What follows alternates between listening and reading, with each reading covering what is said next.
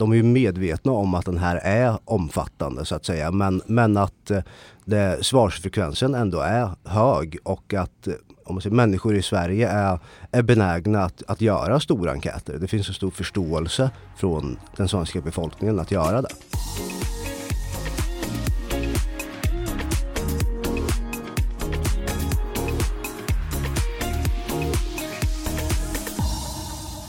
Alicia Price, du och jag har jobbat ihop ett bra tag nu. Nu skulle jag faktiskt vilja berätta något riktigt jobbigt för dig.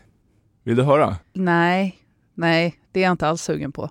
Alltså jag pratar inte om barndomstrauman här eller skamkänslor, tankarna om åldrande. Det här är torrt, torrare. Bra, okej, okay. för det utrymmet är, det är redan fullt om man säger så. Andreas Råsjö heter jag och är redaktör för Resumé.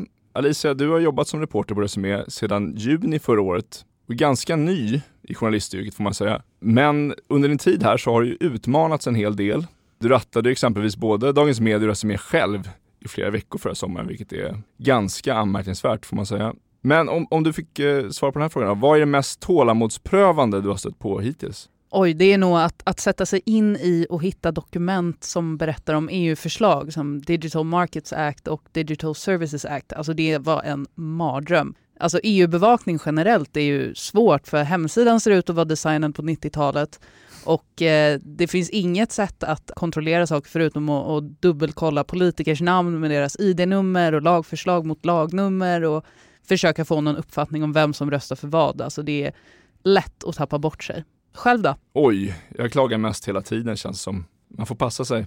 Ofta är ju också riktig journalistik både jobbigt, tidskrävande och fyller en med tvivel. Det kan vara stora datamängder som ska bearbetas där alla detaljer och siffror ska stämma.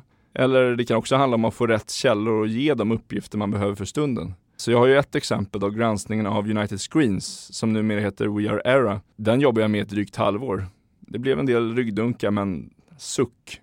Just det här med att eh, behandla stora mängder data och eh, sättas under eh, tålamodsprövning är något vi kommer prata om idag. Och i centrum för denna veckans avsnitt står vår kollega Jocke som verkar ha utsatts för en oerhörd kognitiv press. Allt för att tjäna mediebranschen. Jag skulle säga att både du och jag Alicia ligger i lä här. Jag har en lapp till dig eh, om du vill läsa här. Få arbetsuppgifter i mitt 15-åriga yrkesliv har gjort mig så utmattad och då har jag blivit beskjuten av terrorgruppen al-Shabab på den somaliska landsbygden. Kan du gissa vad han snackar om här? Alltså jag känner ju såklart till att han har beställt hem Orvesto-undersökningen från Sifo och att det skulle bli en pers. Inte minst eftersom han åkte på covid när han satt där bland alla papper. Men riktigt så traumatiskt tänkte jag inte att det skulle bli. Vad är det han håller på med egentligen? Ja, alltså när man får hem Orvesto så är det en ganska omfattande marknadsundersökning. 44 sidor matade med frågor om allt ifrån köpbeteende, privatekonomi, intressen, kultur, hur det ser ut i hushållet, attityder i olika frågor, men framförallt media. Media, media, media. Men vi kan ju fråga honom direkt, för han är faktiskt med i podden idag, som sagt. Joakim Vedholm är reporter på Resumé och vår systertidning Dagens Media. Och han har tidigare varit med i podden faktiskt och pratat då om polisens kommunikationsstrategi. Välkommen tillbaka Joakim. Tackar, tackar. Härligt att vara här igen. Det är ju eh, ett lite okonventionellt sätt att vallraffa, alltså att fylla i den här undersökningen. Om du väljs ut till nästa Orvesta-undersökning, kommer du fylla i den eller har du fått nog? Jag har nog garanterat fått nog. Det tar för lång tid och jag är nog inte rätt människa att fylla i sådana enorma enkätundersökningar. Hur lång tid tog det? Närmare två och en halv timme och då var nog jag snabb tror jag. Trots att jag inte borde vara så snabb. Du visste ju om att det var en lång undersökning, men vad hade du för förväntningar när du gick in i det här? Jag hade nog förväntningarna att det här skulle vara en betydligt lättare uppgift. Eh, framförallt eftersom jag fick betalt för det och kunde göra det på arbetstid. Du skriver ju det i texten att om du inte hade fått lön så hade du gett upp. När vanliga människor fyller i den här enkätundersökningen, hur motiverar man dem att, att fortsätta? Finns det någon morot eller piska? Det finns en, en morot så att säga och, det, och de som gör den här digitalt och jag antar även de, de som gör den direkt på papper får ett inlogg till en portal och sen en shop där de helt enkelt får, får en liten gåva för att göra det här. Så det, det, det finns absolut en morot. Det för mig skulle det nog trots det inte vara värt det med tanke på vilken tid det tar. Det tog ju två och en halv timme för dig ungefär. Men hur lång tid tog det innan du så att säga gick in i väggen? Det tog inte speciellt lång tid. Det var nog 20 minuter innan den riktiga frustrationen satte in så att säga. Sen så är det ju även i början många frågor som inte riktigt känns relevanta kanske för mig. Och det, det, det är nog en sån sak som den undersökningen har fått kritik för. Att man gör någon slags antagande att om man är intresserad av ridsport, man skulle inte få en sån fråga om man inte är intresserad av ridsport, men man får ett gäng sådana frågor ändå. Så det är väldigt, väldigt många nej-svar på saker man inte är intresserad av och det tröttar ut en ganska mycket från början. Du zonade ut helt enkelt?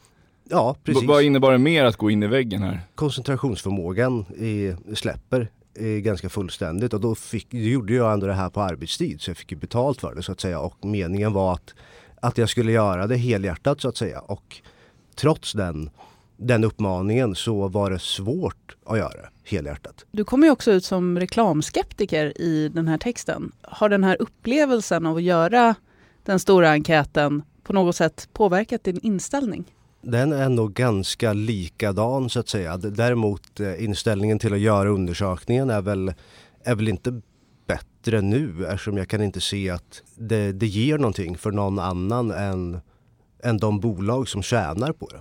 Du sa ju själv här eh, att de här frågorna inte kändes särskilt relevanta. Men om du ska bedöma det här utifrån, hur relevanta är de eh, för en vanlig människa i stort? Jag tror en stor del av undersökningen inte är relevant för, för de flesta människor så att säga.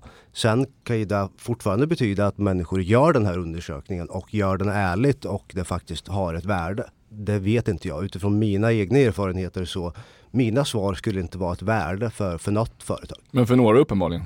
Uppenbarligen är det så. Det, det får man i någon mån lita på att att de far med sanning, att den har ett värde den här undersökningen så att säga. Att det, det inte, bara för att den inte har värde för mig behöver det inte betyda att den inte har något värde alls. För det hade ju ett stort värde för oss på Resumé förut. För jag minns ju en tid för... Har du också valt att bli egen? Då är det viktigt att skaffa en bra företagsförsäkring. Hos oss är alla småföretag stora och inga frågor för små. Swedeas företagsförsäkring är anpassad för mindre företag och täcker även sånt som din hemförsäkring inte täcker. Gå in på swedea.se företag och jämför själv.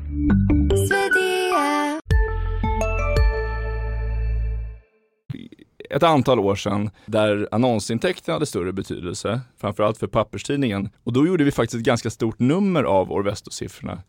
Vi eh, skrev artiklar om det. Vi gjorde en sån här blurb som man brukar sätta på filmaffischer eller böcker där vi skröt om Orvesto-räckvidden och den procentuella ökningen. Eh, vi stoltserade över det där. Men sen så har ju vatten runnit under broarna och jag upplever idag att Aftonbladet och Expressen, inte ens de håller på och basunerar ut pressmeddelanden när Orvesto-siffrorna kommer. Hur högt skulle du uppskatta att de här resultaten värderas idag, 2022? De kan nog fortfarande värderas ganska högt, men jag tror att de i så fall värderas internt. Det är ganska skönt att slippa läsa kvällspressen och varannan vecka står det, har de skrivit en artikel som inte är egentligen relevant alls för läsarna. Men däremot är den säkerligen relevant gentemot de annonsörer de har så att säga. Men att kommunicera det utåt till ens läsare kanske inte är speciellt relevant och det är väl ganska skönt att slippa läsa sånt skulle jag säga. Vi tänker ju att i våra dagliga samtal med marknadsförare så är det väldigt sällan någon på allvar refererar till Orvesto Konsument. finns det marknadsförare som bryr sig verkligen? Det gör det nog. Det tycker jag också framgår av, av de artiklar vi skrev om det. Att det, det finns eh, marknadschefer som, som ser ett stort värde i Orvesto. Så det, det tror jag. Även om andra in, verkar inte se något värde alls i det. Vad är det för värde de ser då? Jag tror man kan se detaljer i Orvesto, att, att man kan pricka in en målgrupp väldigt väl så att säga. Det stämmer den, den datan de har så, så har den säkerligen ett värde. Om målet är att nå personer som läser Aftonbladet och är intresserade av bilar. Om de kan då visa på att, att de har en sån stor läsekrets så, så tror jag att det har ett värde. Mm. Och kanske ännu mer för nischtidskrifter? Då? Ja. Du pratade ju också med en statistikprofessor om undersökningen. Vad hade han att säga till om? Han var väl inte jätteimponerad över utformningen på enkäten. Dels är det väl storleken, dels i frågorna så att säga att, att de, precis som jag kände att många inte var relevanta så var det också någonting han anmärkte på. Att, att det, det kan säkerligen uppstå en trötthet bland de som svarar på dem för att man upplever att frågorna inte är relevanta.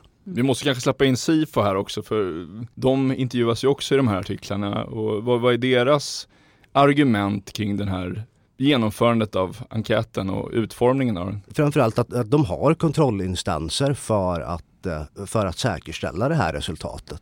Så att säga. Och, och eh, det, det menar de och eh, det, det, har de säkert även om, även om jag inte är insatt exakt i, i de processerna. Vad sa de då, alltså när du berättade om, om din upplevelse kanske eller om omfattningen. Vad har de för, för svar kring att den är så pass omfattande? Att den just är omfattande. De är ju medvetna om att den här är omfattande så att säga. Men, men att eh, det, svarsfrekvensen ändå är hög och att om man säger, människor i Sverige är, är benägna att, att göra stora enkäter. Det finns en stor förståelse från den svenska befolkningen att göra det. Kanske på grund av gåvan då? Kanske på grund av det eller, eller att det, det, är någon tradition i Sverige kanske. Att man, man tycker om att göra sånt här. Jag, jag gjorde det inte men jag är kanske inte rätt. Man gör det för fosterlandet? Man gör det för fosterlandet. Ja. Så för att sammanfatta, det här formuläret är långt. Det är jobbigt att fylla i. Många svar eh, är lite slentrianmässiga gissningar och ibland slår man över på autopilot när man svarar. Vissa marknadschefer använder det, vissa marknadschefer använder det inte. Tycker jag låter som en jättebra sammanfattning. Du berättade ju i texten att du blev en så kallad straightliner. Eh, det är ett begrepp som jag aldrig hört innan. Vad, vad innebär det? Det innebär väl i kort att man helt enkelt eh, blir trött och eh, ja, som jag gjorde att jag, jag fyllde i, i rätt neråt så att säga i, i den här enkäten. Det var kryss efter kryss efter kryss på aldrig, aldrig, aldrig över alla de här tidningarna man man inte läser så att säga. Och, och, och, där slutade ju jag också vara uppmärksam i den mån att jag missade tidningar som jag faktiskt sporadiskt läste. Det kanske bara var ett till två nummer av dem. Men det framgår ju då inte i undersökningen. Men där, där säger också Sifo att de tar i beaktning så att säga. De kan se sådana mönster. Så ditt svar skulle kunna vara diskvalificerat? Ja. Det var ju väldigt många frågor om ditt liv. Jag har ju också gjort den här typen av ja, men personlighetstester inför ledarskapsutbildningar och sådär. Väckte den här många tankar om liksom, det liv du, du lever? Och... Nej, det vill jag inte påstå. Nå något kanske jag, jag reflekterar mer över hur mycket, hur mycket pengar lägger man egentligen på att äta ute så att säga. Och, men vad är definitionen av att äta ute? Är, nu under corona har det varit väldigt mycket hämtmat kanske i jämförelse med restaurang men det, det nämns nödvändigtvis inte i enkäten och då, då, det sker en viss förvirring där. Räknas även en hamburgare på Max som man hämtar för att äta hemma eller måste man fysiskt befinna sig på en restaurang? Det kanske är tankar som inte stannar kvar särskilt länge. Inte speciellt länge, Nej. det där glömmer man nog bort. Men visst filmades det här också? Det filmades uppifrån i, i, i något sånt här Youtube-perspektiv. Ja. Som, jag, som jag kallar det. När, när, de, när, när Youtubers exempelvis visar upp produkter så att säga så filmar de det uppifrån. Och det gjorde jag också så att säga medan jag eh, fyllde i hela den här. Ja. Så det var, men det var uppspeedat på ungefär 6000 procent tror jag. Vi får se om den kan bli viral. Det tror jag inte. Nej. men eh, Joakim, nu med, eh, ja, inte alla facit i handen, men några stycken i alla fall. Tror du att Orvestos tid är över? Fin alltså, är det dags att, att, omvandla Sverige nu till något annat och, och, i så fall, vad skulle man omvandla det till? Jag vet inte. Jag, jag tror att så länge i framförallt mediehusen och eh, mediebyråer och annonsörer anser att den har ett värde kommer den att finnas så att säga. Så länge de är överens om att den är värdefull så kommer den finnas. Om man ser många av dem jag också pratat med är ju övertygade om att det är, det är en unik databas för Sverige där, där, man kan hämta väldigt mycket information. Och jag tror inte alla de människorna har heller inte fel. Det finns säkert information där som kan vara väldigt nyttiga för annonsörer. Tack så mycket Joakim för att du kom till podden idag. Om du vill läsa mer om Orvestos megaenkät, gå in på resumé.se insikt och glöm inte teckna en prenumeration på Resumé. Hej då! Hej då! Hej då!